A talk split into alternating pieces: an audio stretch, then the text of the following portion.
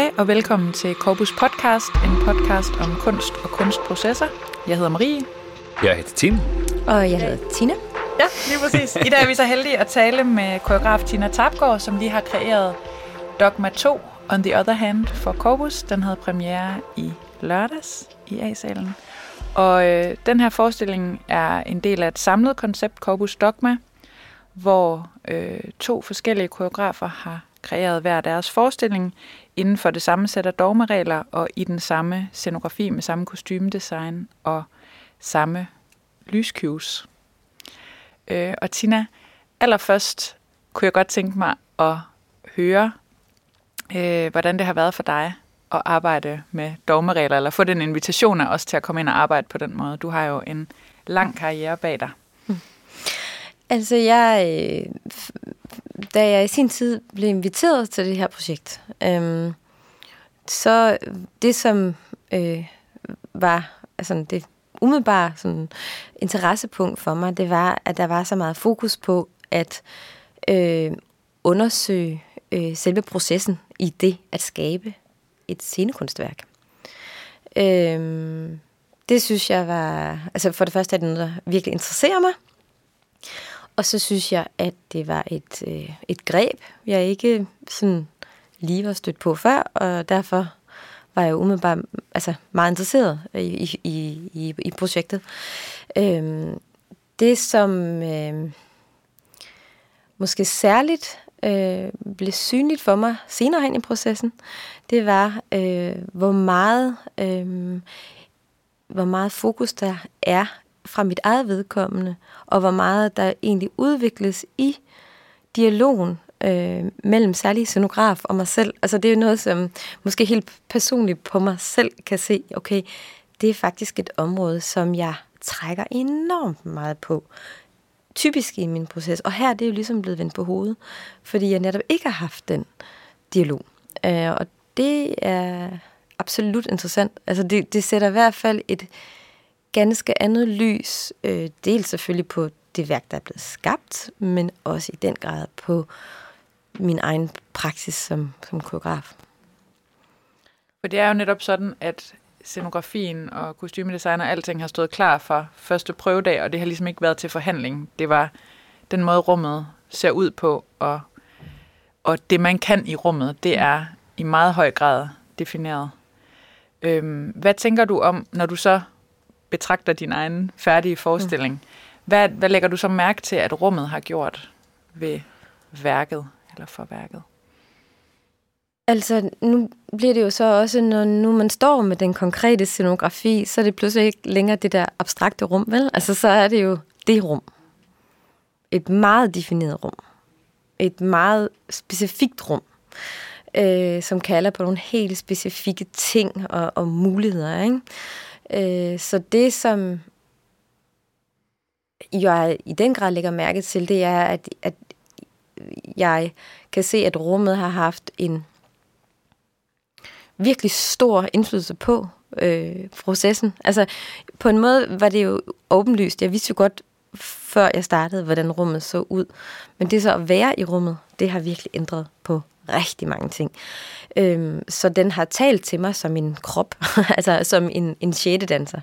Den har, øh, den har helt sikkert haft en kæmpe stor indflydelse på både hvordan man sådan kompositorisk har sat det sammen, men også på det fysiske materiale, som der er blevet lagt fokus på for danserne.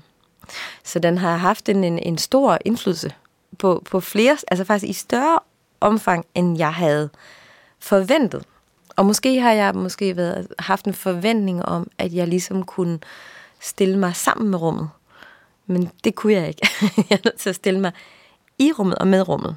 Øh, Fortæl lidt mere, Tina. Hvad synes du, det, hvad synes du, du har gjort i forhold til det fysiske og det kompositoriske? Hvad synes du, hvad synes du, du støtter på?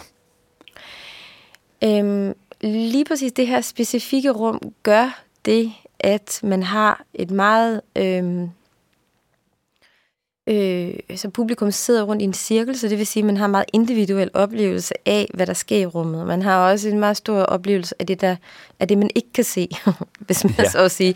Så, så, så man har ligesom to sider at forholde sig til, fordi selvfølgelig en ting er øh, danserens bevægelse, men for mig ligger det altid i relation til, hvordan det ligesom er i korrespondence med det publikum, jo, som jo er den sidste halvdel af værket.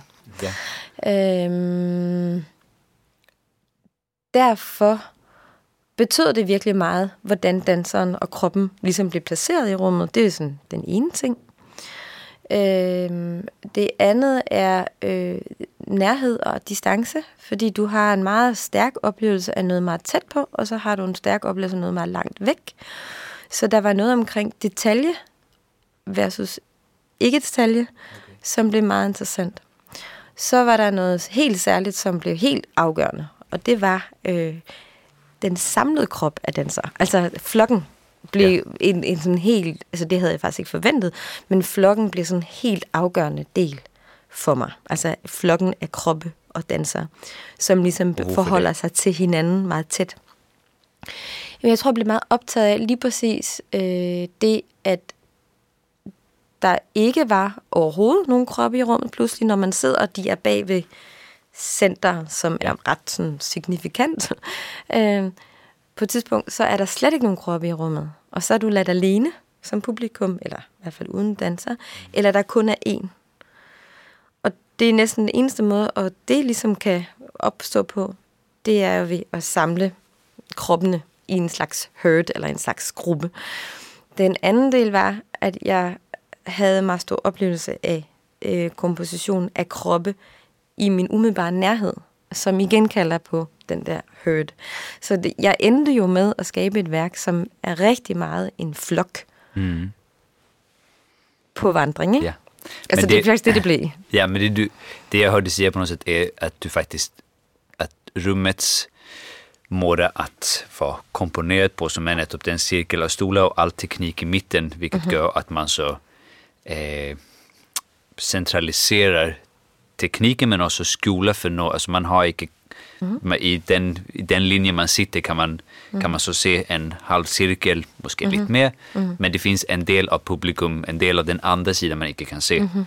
Det blev på något ett, ett grepp du gärna ville arbeta vidare med för att faktiskt mm. exponera det mm. på något sätt, som jag också mm. huskar var en del av Jennys upprinnliga mm. eh, presentation till oss, som var det där med, jag kan inte huska vad, vilket ord hon brukte, men det var någonting netop med att aldrig kunna se det hela. Hun arbejder rigtig meget i det ord, jeg greb fat i hos Jenny, som jeg synes var spændende. Det var det ord, øh, altså void, altså ja. hendes, øh, det som, altså den afstand af ikke rum nærmest, ikke? Altså, ja. som både fandtes i hendes kostymevalg, ja. men også i det, det som man som tilskuer ligesom kigger på, fordi der er et void. Altså der er, ja. dels er der jo afstanden mellem en selv en stol, og så den her fantastiske ø i midten af sceneteknik, men der er også en void, altså der er noget, som er usynligt for dig. Eller faktisk i går så jeg tænkte på, at det er faktisk ret spændende med de hvide øh, kostymer, reflekterer jo ned i det sorte gulv, ja. så man kan se, ja. man kan se bevægelsen, men det ses som en slags skygger ja. af refleksion under gulvet. Så når man sådan koncentrerer sig meget, så ser man jo mange små detaljer. Mm. Øh, Men med andre ord, så forsøgte du på noget sæt, det synes jeg faktisk, det får går op for mig, men du arbejdede faktisk eksplicit med at ikke fylde the void. Ja. Men faktisk arbejde med at eksponere det på noget sæt. Og ja. det er jo, ja, det, Præcis. det er virkelig, altså, i forhold til den, øh, nu må I stoppe mig, hvis jeg går for langt, men i forhold til den, øh, den øh, samfundskultur, vi er i i dag, som hele tiden handler om at netop fylde det void psykologisk, øh, materialistisk, øh, alt, alt muligt. Og det, er jo, og det er jo bare et forsøg på at forfylde sig selv, uden at faktisk ta, mm. uden at faktisk kigge på at det der void kan ikke fylles av ting. Det, kan ikke fylde, altså, det blir man nødt til at finde andre greb for på noget sätt få den, den slags eh, frihet eller på något sätt uppenbarelse att den kommer finnas där och den kan, den kan så mm. försvinna men icke genom, icke genom att fylla den. Mm -hmm. Det ska något annat till. Jeg tænker, for mig så handler det rigtig meget om, fuldstændig, øh, altså ja, det er blevet meget definerende for mig det der med, men det, man ikke ser, og det, man så virkelig ser, helt klart. Mm, jeg ved ikke, om jeg har lige siddet og tænkt på, om jeg skulle fylde den eller ikke fylde den. Jeg har arbejdet med den som værende noget, der var der i rummet. Meget, meget, meget øh, præsent. Øh, samtidig så er det noget med, at jeg synes, det har været spændende, hvad øh, når man sådan ligesom lader sig falde hen i det void, at der findes en anden form for øh, følsomhed. Altså, altså, at man har tid til at bemærke det andet, som ikke er der. Altså, som man måske ikke har så meget tid til at lægge mærke til, når det ligesom er fyldt. Fordi det, som jeg har arbejdet med, det er, hvornår danserne fylder det void, eller ikke fylder det void. Mm. Men der er også alt muligt andet. Der er de andre publikummer, der er Jonas og Kasper på øh, podiet, der er røgsøjlerne. Der, så, så den der med at finde øh, muligheden for at sanse det, som måske ligger ud over det første, man lige sanser. Ja. øh, så den som for øhm, øh, fin følsomhed over for det, man sidder over for, har været nok mest min drivkraft. Altså i forhold til at tænker på void, hvis det giver mening. Ja. Vi startede jo processen med rent faktisk at sidde at observere planter ja. i timer, og derefter kroppe, menneskekroppe i timer. Og det er jo også at skabe, det har været ude for nogle retningslinjer, som har skabt en, øh, altså så næsten sådan en lidt pseudo-videnskabelig øh, betragtningsmetode, som, som Goethe faktisk har opfundet. Det er så, hvad det er. Men det, som det gør, det er, at det sætter nogle trin op, som skaber en form for objektivitetsforsøg hos den, der observerer. Det vil sige, at man, man får lagt en void, eller en afstand, til det, man rent faktisk observerer, for at se det igen hvis det giver nogen mening. Altså, hvis man kigger på det, om, der ligger det tæppe, som jeg har set så mange gange, så vil jeg jo ikke rigtig tænke over det øh, yderligere. Men i det øjeblik, hvor jeg rent faktisk sætter mig for i en form for systematisk øh, øh tilgang, og rent faktisk observerer igen, så ser jeg jo naturligvis ting, som jeg ikke så før. Og det er i den grad øh, præsent, når man sidder og kigger for eksempel på en plante, eller, eller, øh, eller på en krop. Altså det med at kigge på et menneskekrop og forsøge at fjerne ideen om, at man godt ved, hvad det er, men faktisk se det for, hvad det er.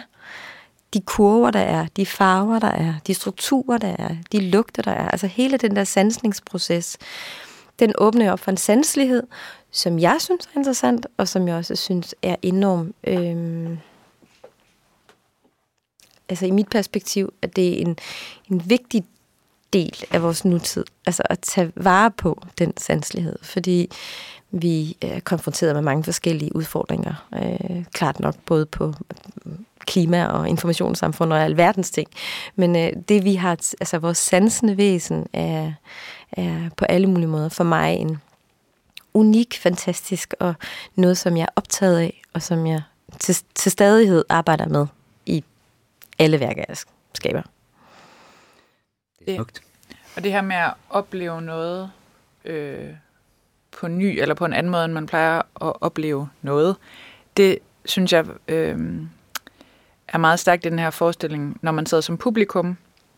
Øh, fordi netop øh, tomrummet, eller fraværet, at det, man på en eller anden måde forventer skal være der. Altså det vil sige, jeg, jeg er publikum, jeg er inde og se en, en, jeg er for det første inde og se en forestilling, og jeg er for det andet inde og se en danseforestilling. Og det, at jeg er inde og se en forestilling, gør, at jeg på en eller anden måde forventer, at noget skal, ikke nødvendigvis underholde mig, men noget skal udspille sig for mig i en lind strøm, øh, hvilket gør mig til publikum. og to, øh, det er en danseforestilling, så jeg forventer også, at det, det, jeg det, jeg regner med at skulle kigge på, er dans. Og så sker der to ting i forestillingen. Et er, at der nogle gange er et tomrum, som gør, at jeg mister den publikumsposition, jeg forventer at skulle have, eller i hvert fald bliver opmærksom på, at jeg er publikum. Og jeg sidder her på stolen, men det udspiller sig ikke for mig lige nu, det udspiller sig for nogle andre. Hvad gør jeg så af mig selv? Nu kommer det igen. Nu kan jeg igen se noget. Men så ser jeg det på en ny måde, fordi det ikke er kommet i en lindstrøm til mig, men der har været det der tomrum inden. Den, det er den ene ting. Og den anden ting er, at det her med at placere teknikøen i midten, og øh, have Kasper og Jonas, vores tech-team, stående der og være i centrum, det, og det synes jeg faktisk er ret utroligt, fordi selvom jeg kender den her forestilling så godt nu, så, sker, så sker det alligevel for mig hver gang, at jeg først opdager, at jeg rent faktisk kan kigge på dem, når jeg ikke kan kigge på dansen. Det vil sige, så længe der bliver danset, så gør, så gør jeg det som en god publikummer, at jeg kigger på dansen, for jeg ender en danseforestilling. Så derfor bliver du nødt til at tage danserne helt væk fra mig, eller gøre det meget statiske, for at jeg kan give mig hen til at kigge på den teknikafvikling, som jo er et kæmpe spektakel, og som er enormt fantastisk at kigge på. Men det kan jeg først, hvis jeg bliver tvunget til det på en eller anden måde. Og så får jeg, bliver den oplevelse åbnet for mig. Mm. Altså jeg føler på noget sätt, det er jo, igen, det, det handler jo om at blive opmærksom om, blive opmærksom om sin opmærksomhed. Mm-hmm. Og det er jo det, der er fælles for de to dogma-forestillinger, som de er vidt forskellige, men de Arbejde, gør noget ja. ved publikumsoplevelsen og publikumspositionen, som handler om opmærksomhed. Ja, det handler, du, du snakker om sansning, og du snakker om eh, den detaljnivå det kan finnas genom att faktiskt kika och sansa något i lang tid. Eh, och det är ju netop att fokusera sin uppmärksamhet på något ikke nødvendigvis i håb på at gense det igen, men gennem at rikte sin opmærksomhed på noget i lang tid, så sker det noget. Og det kan være enten at se det igen, eller et detaljniveau øh, eh, øh, större eller att man ser det som lys och skugga. Det kan vara många olika ting, som sker. Men, och det är ju lite det, du också talar om, vi blir bombarderade med information, och det att uppmärksamma det, som några gånger är liv för annars är några gånger något som vi på något sätt också blir tränade i, skulle jag säga, eh, genom alla de år vi blir tränade i att känna koncept, känna begrepp. Det är en kopp och det är mikrofon och det är en, eh, det är en kvinna, det är en död. Det, det är begrepp, det är koncept på hur vi på något sätt delar världen in. Och det jag följer du ber oss om är att uppblöta den helt klara konceptuella förståelse och faktiskt pröva att sansa vad det faktiskt betyder att sitta här i den här samtalet och dricka en kopp kaffe och kika på mikrofonen och faktiskt mm. se det lite för vad det är snarare än vad vi tror det. Mm. Mm. Altså, jeg tænker, altså, på mange måder, så er det også det, som scenekunsten kan i, i sine mange, mange former, ikke sandt? Altså, den giver sådan en hyper opmærksomhed på noget i et tidsrum. Altså, det er sådan en tidslomme, ikke? Hvor man jo netop har den mulighed. Det, i hvert fald der, hvor jeg har personligt haft nogle meget stærke oplevelser med scenekunst, det er jo der, hvor jeg pludselig har befundet mig i en sanseoplevelse, eller en rum, eller en oplevelse, som, som, som trak mig et andet sted hen, end, end, øh, end, end forventet, og, og også et andet sted hen øh, i forhold til min relation til det, jeg har siddet overfor. Øh. Jeg, jeg, for mig er det en af de helt store styrker generelt ved vores kunstform. Ikke? Altså, man sidder der og er til stede. Øh, det, rummet gør jo rigtig meget også det, du taler om, Marie. Ikke? Altså, man bliver sat på de her stole, som er sådan lidt fra hinanden. Man er vant til at sidde presset sammen. Altså, stolen er sådan op af hinanden. Ikke? Øhm, man bliver konfronteret røgen. med sig selv på noget sæt. Det bliver ja. man jo nødt til. Ja og så også den røg, elementet røg, som jo også er en scenografisk ting, gør jo også, at man langsomt bliver fjernet mere og mere fra de andre. Ikke? Det giver den der unikke oplevelse til hver enkelt. Hvis man griber den. ja. ja. ja. Nu vil jeg ikke overraskende gerne spørge lidt til processen. Det er jo mit øh, nørdeområde. Øh, og øh, et par af dogmereglerne retter sig jo mod processen.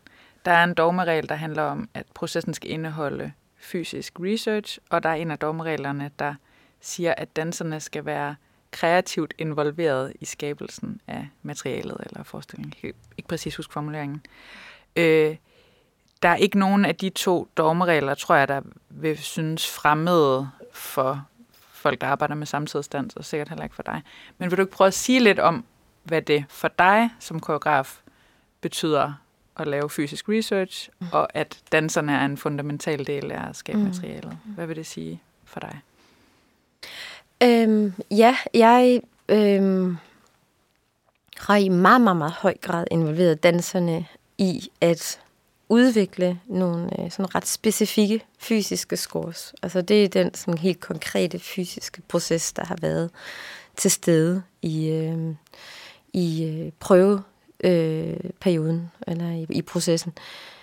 Øh, på den måde forstået, at jeg ikke er kommet med et fysisk sæt, som jeg ligesom har givet videre til dem. Øh, jeg er kommet med en måde at tilgå og se en krop, om det er en menneskekrop eller ikke, og så brugt øh, de refleksioner, der lå i det hos danserne, til nogle sådan at, at raffinere nogle meget specifikke måder at gå til det at bevæge sin krop på.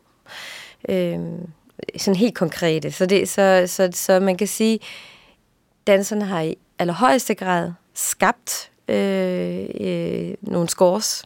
Øh, altså, det kommer simpelthen fra dem, i dem, med dem. Det er deres kroppe, det er deres tanker, det er deres refleksioner på de første observationsdage, der ligesom har skabt de her scores, som nu lever videre i en forestilling. Øh, det er så ikke bare, altså det er ikke landet bare hos den enkelte. Den enkelte har ikke haft individuelle. Vi har ligesom åbnet to specifikke op til videreudvikling hos hele gruppen af, af, af, af dansekunstnere.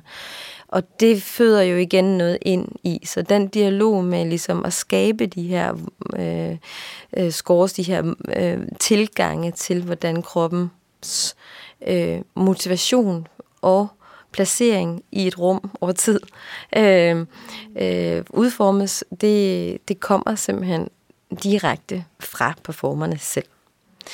Øh, så det har været tilgang. Det har været meget, meget, meget et samarbejde. Det har på ingen måde været mig, der er kommet og sagt, nu er det sådan her, at øh, bevægelsen foregår.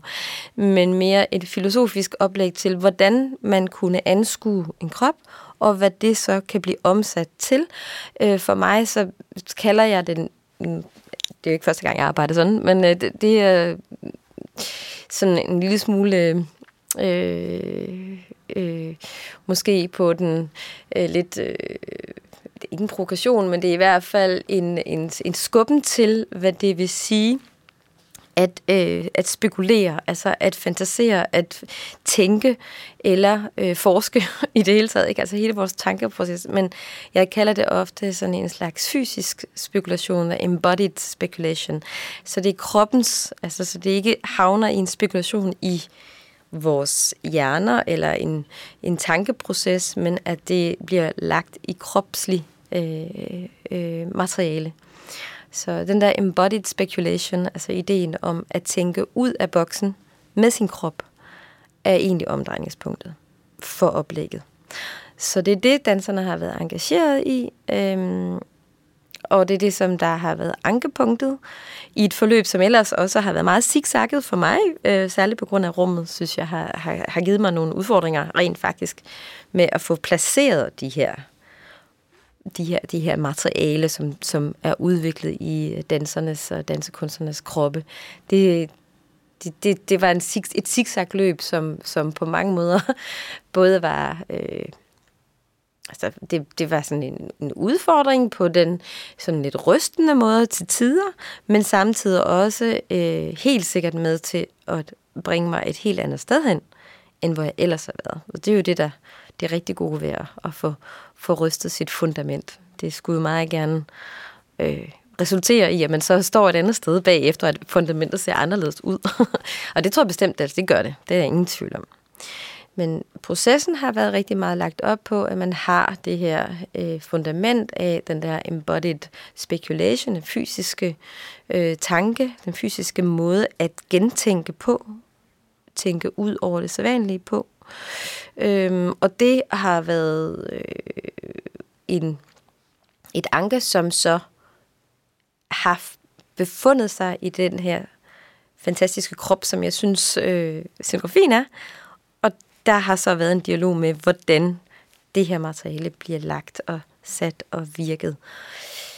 Og hvordan relaterer det sig til det publikum, og hvor ligger de øh, ankepunkter, hvor ligger de, de øh, steder, hvor man har bedst mulighed for at invitere et publikum med ind i den spekulation, som så foregår i de her kroppe. Fordi det er jo så der, hvor den sidste halvdel af spekulationen ligger, fordi en ting er, at kroppene har været i gang med det og har processueret nogle observationer til faktisk fysisk kropslig materiale.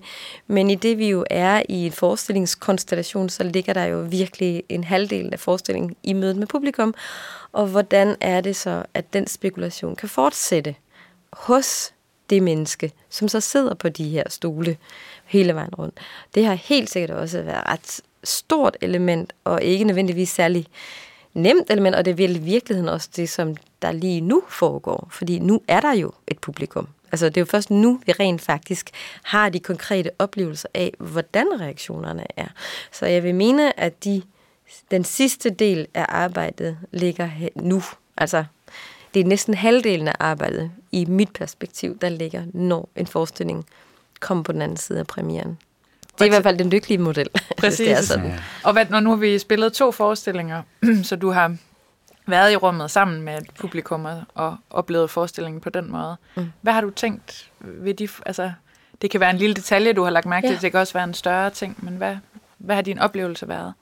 Altså, det, som jeg var meget positiv øh, og glad for, det var, at jeg følte, at stemningen i rummet var meget afslappet, og at jeg følte sådan helt fysisk, at folk godt kunne læne sig frem i solen, og ikke nødvendigvis føle sig tunget tilbage i deres stol, altså op mod ryglænet. Det var bare sådan en helt lille detalje, som jeg oplevede. Øhm, og så øh, er det forvirrende til tider for publikum. Forvirring kan være en god ting. Øhm, så jeg tror, at det, det, det, det er der, hvor jeg sådan... Øh, jeg, jeg har også en fornemmelse af, at vi har stadig lidt arbejde med, særligt i startdelen, altså at, hvor det fysiske materiale op, øh, opstår. I går der havde Luella for eksempel en meget fin måde at tilgå sin første, fordi i virkeligheden så stiller de sig jo bare op og er til rådighed, og så starter de egentlig bare med at flytte på kroppen. det er sådan helt konkret, meget simpelt. Men Luella havde en meget fin vej ind i det, som jeg tænkte, der var noget der, som jeg tænkte var lidt fint, og som jeg kunne mærke, folk reagerede på. Som jeg, der er nogle justeringer, som kommer konkret ud af forskningssituationen, ikke fordi Luella nødvendigvis kun på grund af det, hun gjorde, men også på grund af det, jeg så reflekteret i publikummerne. Og hvis man kan tage fat i de der momenter, så, mm. så sker der jo noget, som er unikt for processen, som ligger efter publikum er kommet til. Og det er jo også derfor, det er en vigtig del af mm. de her processer, at I bliver ved med at arbejde med forestillingen, ja, efter absolut. den har haft premiere. Absolut. Ja. Jeg ved, at du arbejdede meget, nu taler du om måden, du arbejdede på, men mm. du arbejdede eksempel meget i forhold til din tilgang til det fysiske materiale og hele forestillingen mm. i sig selv på mm. de to termer på dehumanization og rehumanization. Ja. Eh, og det vil jeg gerne, at du skal fortælle lidt om. Ja. Hvad det faktisk er for dig, og hvorfor de er interessante at, for dig at undersøge som, som kunstner, men også hvordan, hvad det sker i at prøve at undersöka dem fysisk. Mm. Um, det er jo sådan en helt grundlæggende interesse, jeg har øh, i forhold til øh, at tage fat i, i den lidt sjove opsætning, som, jeg, som vi så har kommet til at kalde dehumanization and rehumanization. Det hænger ret meget sammen med den øh, sanselighed, som jeg øh, talte om tidligere. Øh, øh, det at bruge tid på at se ting igen, at gense, hvad et menneske er, og hvad en krop er. Øh, det tror jeg, man gør bedst ved også at se alt det andet. Altså der, den, den ligger jo rigtig meget øh, op til, at... Øh, noget, som, som, som vi næsten ikke kan undgå, hvis vi skal se ud sådan lidt ud i samfundet, så tror jeg, der ligger rigtig meget af vores sammensmeltning, både med teknologier, og, men også vores øh, øgede opmærksomhed på, hvordan vi hænger sammen med resten af, af økosystemet. Altså, øh, multi, altså problemer med øh, manglende øh, diversitet i de insekter, der er. Eller der er ikke så mange fugle på himlen mere. Og sådan nogle ting. Det er sådan ret konkrete ting, og sådan, som, som folk, tror jeg, føler i deres hverdag og forstår, at det, det er en egentlig en ting. Det er jo ikke noget nyt. Jeg tror bare, det er blevet meget konkret i menneskers bevidsthed. Fordi at der er meget fokus på hele vores... Øh, altså bare på klimaudfordringer i det hele taget. Øh, men, men, så, men det øh, som en sådan helt sådan almindelig ting i menneskers hverdag, det er den ene af det, men det har selvfølgelig også i gang sat rigtig mange øh, tanker, både inden for kunstverdenen, men også inden for videnskabsverdenen, som handler om, hvordan man øh, ligesom genser øh, mennesket og forsøger at forhandle ideen om, at måske er mennesket ikke så fast forankret i toppen af kransekæden, som jo særligt vores vestlige kultur sætter det i. Så øh, Adam og Eva var ligesom øh, prikket på id i skabelsesprocessen, ikke sandt? Øh, og så er der en hel masse ting, der gik galt derefter, men, men der var, øh, men vi har sådan en kulturelt forståelse af, at vi ligger som, som toppen af grænsekagen, og, og derfra ligger der jo selvfølgelig også en eller anden form for øh, adskillelse fra mennesket og det, vi omgiver os med. Altså adskillelse mellem kultur og natur, for eksempel. Hvilket jeg synes er en total falsum, faktisk. Fordi vi er et økosystem. Lige meget hvordan vi sætter det, så er det kongelige teater en del af et økosystem på samme måde, som regnskoven er. Altså forstår jeg, mener? Der er ligesom ikke den forskel, og den opdeling, tror jeg måske er vores store udfordring. Og jeg tror, der hvor jeg interesserer mig for dehumanizing, rehumanizing, det er ved, at hvis man skal gense mennesket i en konstruktion, hvor man forsøger ikke at se os som det adskilte fra verden, men som den del af økosystemet. Altså sådan virkelig. Så, så tager det en, øh, det er en proces. Ikke? Øh, men som på nogle menneskers øh, øh, fornemmelse i hvert fald kan få den der, jamen, det er jo sådan lidt at pille ved, øh, hvad er det sådan specifikt menneskelige. Men jeg tror, pointen mellem dehumanizing ind til rehumanizing handler jo om, at det måske netop er ind i det egentlig menneskelig i det øjeblik, hvor man trækker mennesket ind og lægger det i, et, øh, i øh, måske en anden sanselig samspil med verden omkring os. Og det handler både om, altså det handler sådan set lidt om alt. Ikke? Altså det kan være både teknologi, det kan være biologi, det kan være andre mennesker.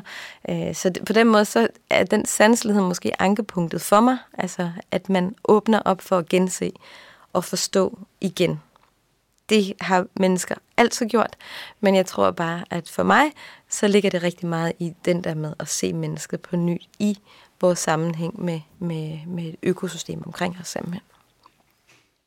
Vil du prøve at fortælle lidt om, sådan lidt mere øh, praktisk, hvordan I så har kunne arbejde med det fysisk? Altså, altså det... Måske bare forklare nogle af de bevægelsesmønstre, øh, eller de scores, I har arbejdet med. Ja, altså det, jo, mm. altså de, kan, de bliver jo meget konkrete på den måde, fordi det er klart, at en ting er at have de her tanker omkring det, og så det at sætte mennesker til at sidde og observere i lang tid en potteplante for eksempel. Altså det bliver sådan lidt, wow. Men i virkeligheden så sker der rigtig meget i det øjeblik, man rent faktisk afsætter den tid. Det, som vi så gjorde, det var, at vi skabte mulighed for, at de sætninger og de observationer, som der kom ud af det, Øhm, for eksempel så har vi øh, en af de bevægelsesmaterialer, som der bliver arbejdet med, det kom faktisk af en danser, som havde siddet og observeret en anden. Og øh, vedkommende havde så lidt et blåt mærke.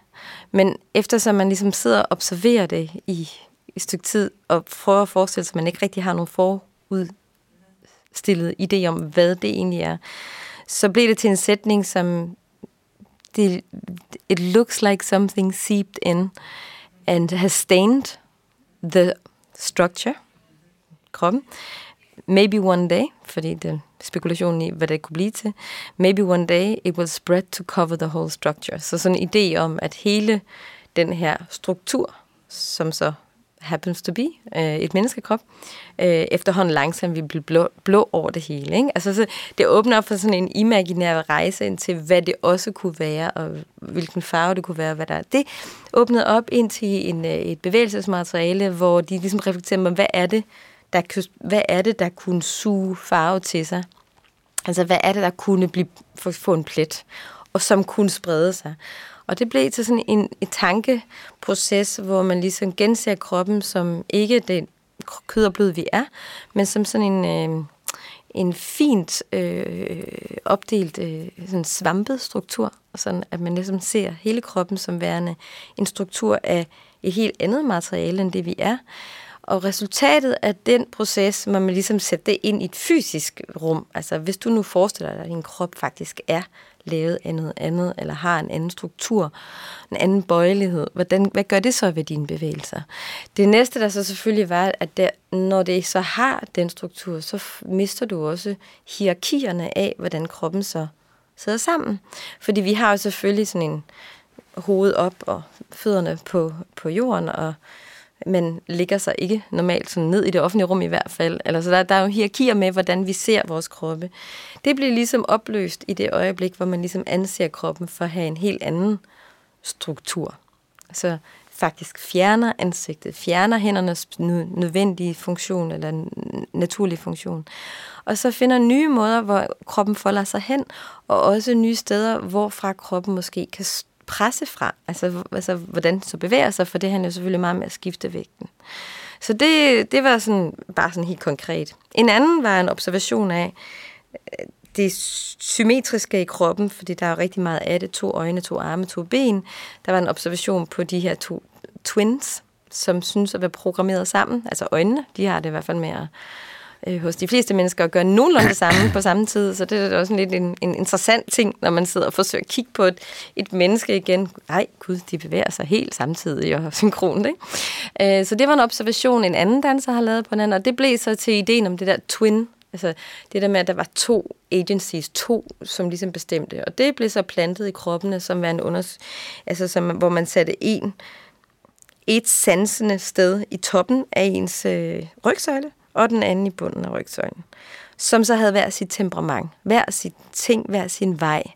Altså, jeg tror, Alma som udvikleren sagde, det er som om, at den gerne sådan, it wants to sniff something this way. Så hun havde sådan ret sådan emotionelle, næsten sådan øh, øh, karakterer forbundet med de her twin objects. Og det har så været det andet materiale. Så det har faktisk været grundlaget for den proces. Så det er jo i virkeligheden virkelig konkret, men det kommer ud af en proces af observationer, og hvor man har forsøgt at fjerne sig fra det, at se, når, om det er jo bare Marie, der sidder der. Men hvis nogen fjerner alle de øh, foransagede viden, og forsøger at se igen, det har været grundlaget, og det er det, der er kommet ind i de her tanker, de her ord, de her sætninger, som så er omsat til fysik gennem en længere proces. Så du har också arbetat mal med hjärtat. Mm. Det är ju det som på något sätt är något av det första vi ser och som är med till att fauna och farva hela upplevelsen. Det är ju ett, ett hjärtelyd som är live till att starta med, som också för mitt vedkommande i det minsta, det här må du selvfølgelig eh, se hur det faktiskt är tänkt, men i mitt vedkommande pröva verkligen att skapa en meget synlig øh, og eksponeret kontakt med det enkelte publikum genom att tillåta dem att höra hvordan ens hjärta faktiskt bankar mens man faktiskt kikar och är i kontakt, inte fysiskt men alligevel i en mänsklig kontakt med dem. Mm. Som så på ett tidspunkt övergår till att bli samplat av Jonas och arbetat vidare till att faktiskt bli till någon slags nästan eh, eh, ja, technobeat vill jag så säga, men jag, jag menar mer en sån här eh, øh, orytme som också hjärtat på något sätt är och som om man ska kika tillbaka i rytmeförhåll så kommer det väl också de, de gamla rytmer kommer väl från något förhåll i det kan man tänka sig. Øh, eh, och jag vill bara du bara tala lite om det och hur den idé har uppstått och hur hvordan den fauna og farver oplevelsen? Mm. Øhm, jeg øh, var ret øh, tidligt i hele processen meget optaget af øh, hjertelyden faktisk i, i, i indgangen til dogmer.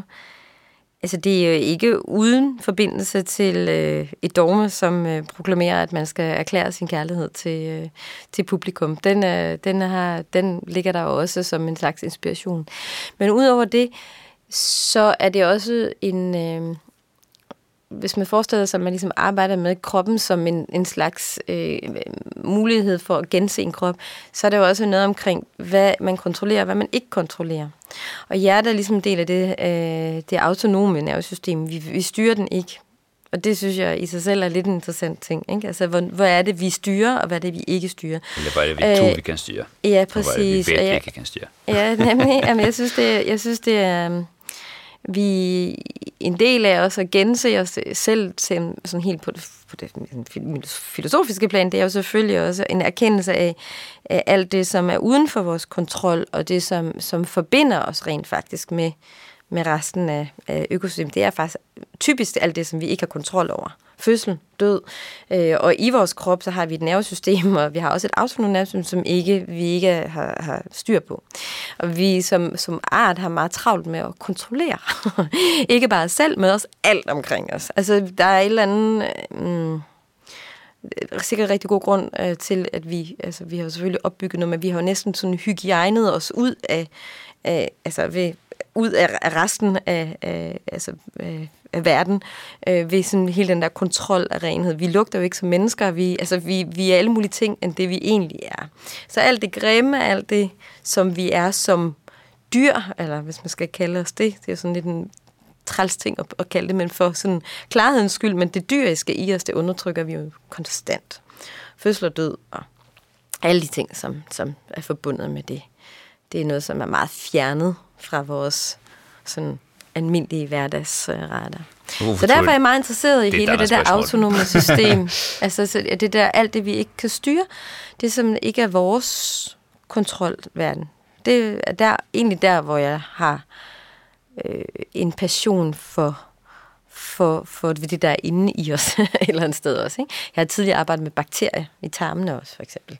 Det er også sådan en, de, de er jo slet ikke engang til os. Altså, det er helt andre DNA-koder, der ligger i os, og der er rigtig mange af dem, og de fortæller os en hel masse og sådan ting, men det er en helt anden ting. Men det der ukontrollable, eller ukontrollerbare. Og så blev det jo til, i samarbejde med Hasuki, som jo virkelig tog den til sig, og havde, for hun havde jo en, i hvert fald en meget stærk, øh, øh, sådan, den sårbarhed, som hun ser sig selv i, ved at eksponere noget af det, som hun ikke kan kontrollere, nemlig hjertet, giver jo en eller anden form for syn ind i hende, som normalt er skjult. Altså, det giver jo en tilgang til hendes følelser. Det gør det jo. Altså, vores hjerte opfører sig på en særlig måde i forhold til, hvordan vi har det. Ja. Altså, hvis hun er stresset, hvis hun mister et cue eller et eller andet, så kan man jo høre det med det samme på hjerteslaget. Så der er en følsomhed og en sarthed i det, som, øh, som jeg som, som er helt klart noget, som er udviklet i, øh, i korrespondence mellem den her hjertelyds ting, og så Hasukis måde at gå til den. Altså, det var rigtig meget taget fra i hendes måde at se det på, hvordan kunne jeg gøre det her. Og det blev til en god tur at se alle folk i øjnene, i sin helt klare, simple, altså i helt simple måde, men meget, øh, meget ren. Altså, den foregiver ikke rigtig at gøre andet end lige præcis det, den gør. Det kan jeg godt lide. Jeg kunne godt tænke mig at spørge lidt til øhm, Kasper og Jonas' rolle i ja. forestillingen. Nu har vi flere gange nævnt, at der er en teknikø midt i mm. rummet, hvor øh, Kasper og Jonas er placeret, og hvorfra de afvikler og medskaber forestillingen. De er også i kostyme, de er i et ligesom stiliseret øh, teknikerkostyme, og så med en meget øh, signifikant maske, øh, diamantmaske, som dækker hele ansigtet. Øh, hvad, hvad, har du, hvad har du oplevet i processen omkring dit samarbejde med dem, som jo både har handlet om de ting, det normalt handler om, nemlig øh, det, det tekniske setup, og få det til at fungere i den her forbindelse også et helt lyddesign, som mm. du har skabt sammen med Jonas, mm. og øh, men så også samtidig to performere jo, som mm-hmm. de er, når de står der. Mm-hmm. Uh, ja, altså det er helt uh, sådan konkret, så, så hele lyduniverset jo bygget op på, hvad Jonas ligesom samler fra rummet. Øh, øh, så, så der er jo øh, enorm kraft i det. Øh, og i det hele taget, så er der bare enormt meget kraft i den der. Altså jeg ser det jo nærmest sådan lidt, det er sådan lidt Inger Kronhammer-agtigt, ikke? Altså med de der master, og sådan, det er meget råt og meget, øh, sådan lidt næsten også en lille smule ophøjet. Der er lidt alder over det også, ikke? Altså der er, der er alt det der i det, og det har jo gjort, at jeg tænker, altså det, det, det har en, en, en helt øh, præcis plads, og så holder jeg rigtig meget af de bevægelser, der er involveret i at udføre det, som de udfører. Altså, så der er Jonas' krop, som står og spiller. Det er meget tydeligt, hvad det, det han gør. Der er Kaspers krop, som er, øh, når han loader en røgmaskine, som i øvrigt er sådan en kæmpe kasse med en ordentlig snabel på, som skal åbnes. Ikke? Altså, det er sådan en hel koreografi i sig selv. Og det øh, har jeg været meget... Det har været meget vigtigt for mig, at pege på, at det er det. Så derfor har det plads. Og hvordan spiller det sammen med, hvis det gør, eller det gør det jo så, fordi det foregår i den samme forestilling, men det fysiske materiale, der handler om dehumanisering, rehumanisering, mm. som danserne arbejder med. Mm. Og så har man samtidig den her sådan, praksis-koreografi, mm. som teknikerne laver. Ja, altså... Øh, øh, det hænger måske sammen med, jeg ser dem jo meget, rigtig meget som en del af rummet. Altså af den krop, som jeg synes rummet er. Øh, og den teknik, som rummet er. Altså, det er jo enormt eksponeret. Det er jo sådan helt vendt på vrangen. Alle kabler, alle samlinger, alt. Alt det, som normalt bliver skjult, er ligesom bare blevet vredet ud i midten, ikke sandt? Øhm, så på den måde, så er de jo en, altså for mig, så bliver de en krop. Altså en krop for mig har også været for eksempel det projicerede rum. Jeg har også arbejdet rigtig meget med kroppe af teknologi, for eksempel. Øh, så det er ikke kun begrænset til din biologiske krop, men for mig så handler det her om, at de, de er rum, rummets krop på en eller anden måde. Øhm, og igen lidt på samme måde som Hasuki, gør det, de gør, og den renhed i det, sætter jeg stor pris på. og ligesom få lov at observere. Det er igen det der med, hvad er det, jeg ser? Hvad er en bevægelse? Svaret er jo nok i virkeligheden, at alt er en bevægelse. Ikke? Sådan hænger det sammen for mig. ja. Tina, hvilken regel skulle vi have sat for at gøre det klarere, nemmere? Vi, nu, är det ju, nu blir det ju definierat av oss. Ja. Det är de här 16 regler Ja. Manglades det en regel? Skulle nogen skiftes ut? Øh... Hvis du kunne, lad os sige det sådan, hvis du kunne fjerne en regel og tilføje en, hvad skulle det så være? Øh... Altså, der er en regel, som har forvoldt mig lidt kvaler, og som jeg måske nok har sådan stillet lidt stor på, det har været rent om, at der skal være en scene, som på ingen måde giver nogen mening. Men det, det har været, det er bare fordi, at det fordrer for mig, øh, at alt andet giver mening. Og det er ikke meningsdannelse, altså det, det er ikke det at skabe mening ud af noget, som jeg nødvendigvis øh, beskæftiger mig med. Så det er måske mig personligt, som den er sådan lidt, nå ja, okay, men hvad betyder det, at noget giver mening? Fordi det er ligesom forudsætning for, at man kan lave noget, som der ikke giver mening. Så den er jo til forhandling. Øh, måske er det i virkeligheden bare det, at jeg laver ret, relativt ofte ting, som ikke giver ret meget mening. Så måske var den bare lidt redundant for mig. Måske.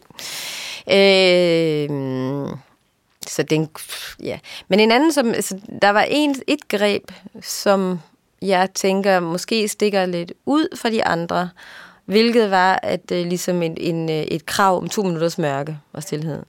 Øh, mest alt fordi, at den er ikke rigtig til at hugge stik i. Altså, den er ligesom det, den er, og jeg synes, regler er interessante, og de især er interessante at bøje. Øhm, lige den er lidt mindre nem at bøje på. så det vil nok være den, som hvis man skulle se for det overordnet set, så vil jeg sige, så vil det være den, jeg vil skifte ud. Fordi den på en eller anden måde dikterer en form. Så. Øhm, hvad skulle du skifte ud med? Ja, hvad skulle den skiftes ud med? Jeg synes, der var rigelige regler. Ja. Men, altså, dem, dem var jo sat, det, det sjove med de der regler, øh, som du siger, er form, var jo faktisk ment der som form i forhold til ja. at kunne give eh, publikum et par regler, mm. som de kunde hålla fast i, når de så den her upplevelse, mm. i forhold til at jeg vidste jo, at de koreografer, mm. jeg valgte til at komme ind, ikke skulle skapa föreställningar som nødvendigvis var helt till att gå till och som du ser mm. meningsskapande. Vi skapar mening utav allt mm. oavsett om vi kan lida eller ej. Mm. mm. Så oavsett om du selv synes at du skaber mm. mening eller ikke, mm. så når publikum sitter der, så skaber de meninger, hvor de ser. Men det var jo også en slags, eh, slags facit for dem at gå ind og sige, at det kommer være to minutters blackout, for nå kommer det. Der var den. Mm. Det kommer være dette element. Mm. Der var det. Mm. For at kunne tillade dem at ha en, eh, en nemmere tilgang i at være i et mer åpent mm. rum og kunne og, og ikke føle sig eh, at de ikke forstod det. Mm. Og dermed kunne sige, okay, jeg, jeg forstår måske ikke alt, men det her er helt klart og tydeligt. Det forstår jeg godt, hvad det er. Så det var, de, de regler var sat der for publikums det, skyld. Det kan jeg rigtig godt øh, se for mig. Det er i hvert fald meget konkret og svært at bøje, og den var der ligesom.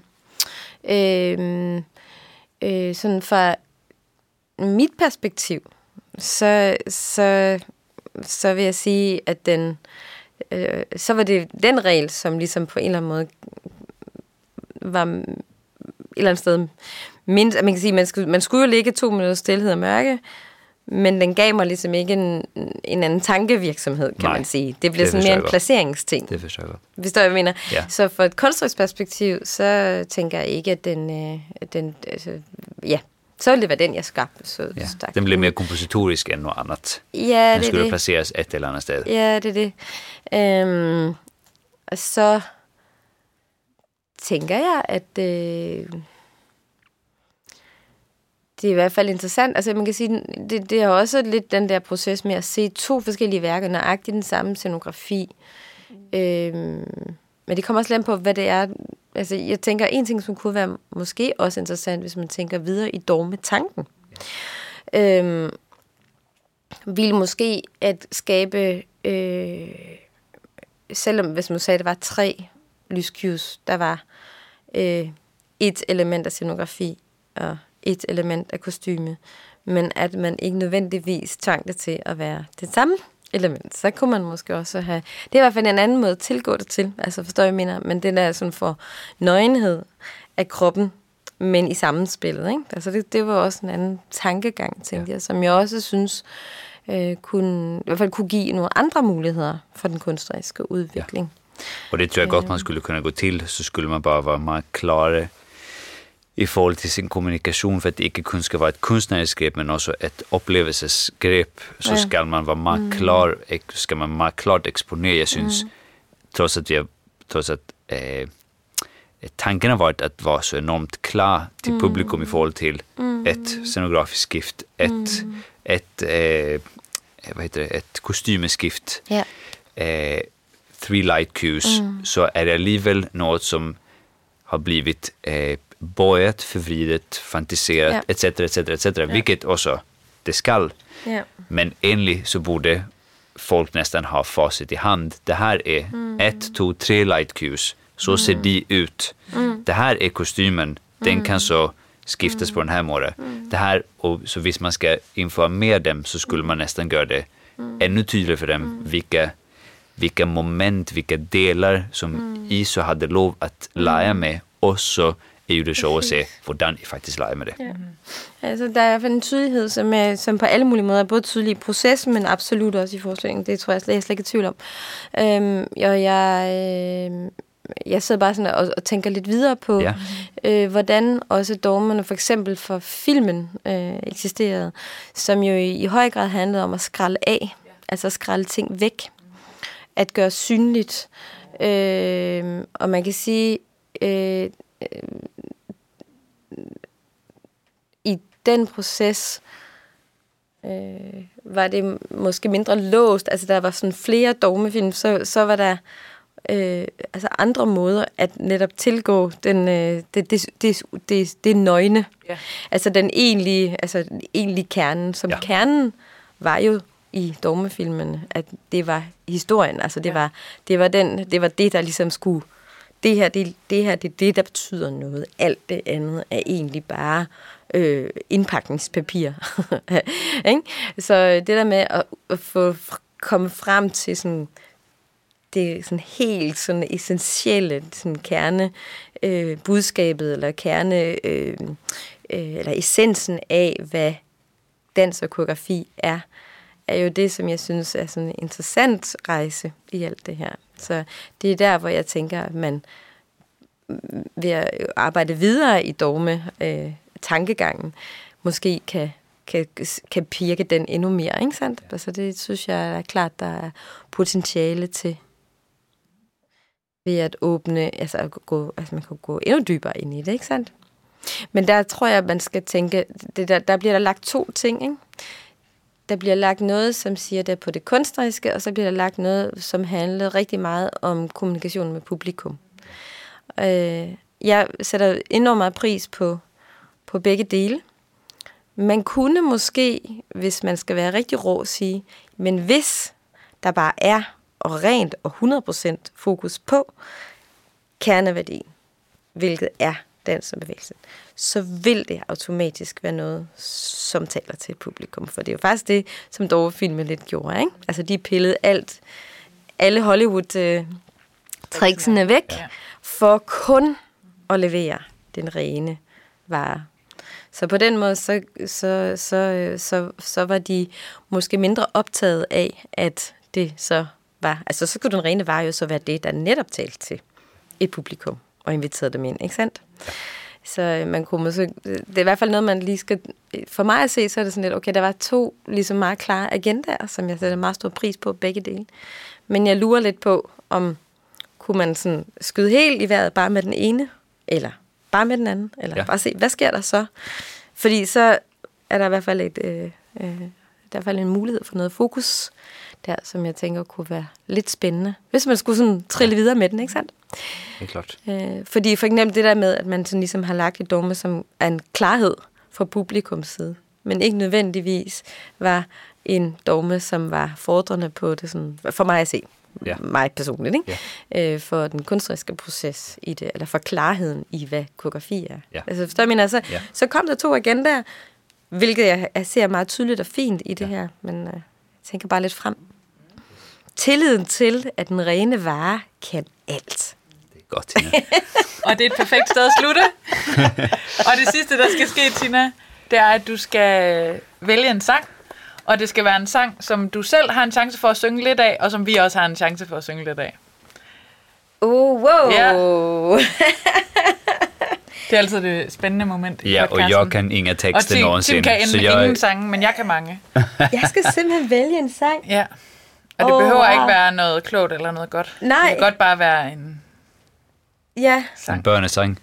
Ja, det bliver det nok mest, for jeg ja. synger mest for min datter. Ja. Så, tag, så, lad, så lad os tage det en af dem. Det er de sange, som, ja. øh, som, øh, som, øh, som jeg mest beskæftiger mig med. Ej, lad mig lige tænke en gang. Ja. Det kunne jo være, at jeg kom i tanke om noget andet. Øh,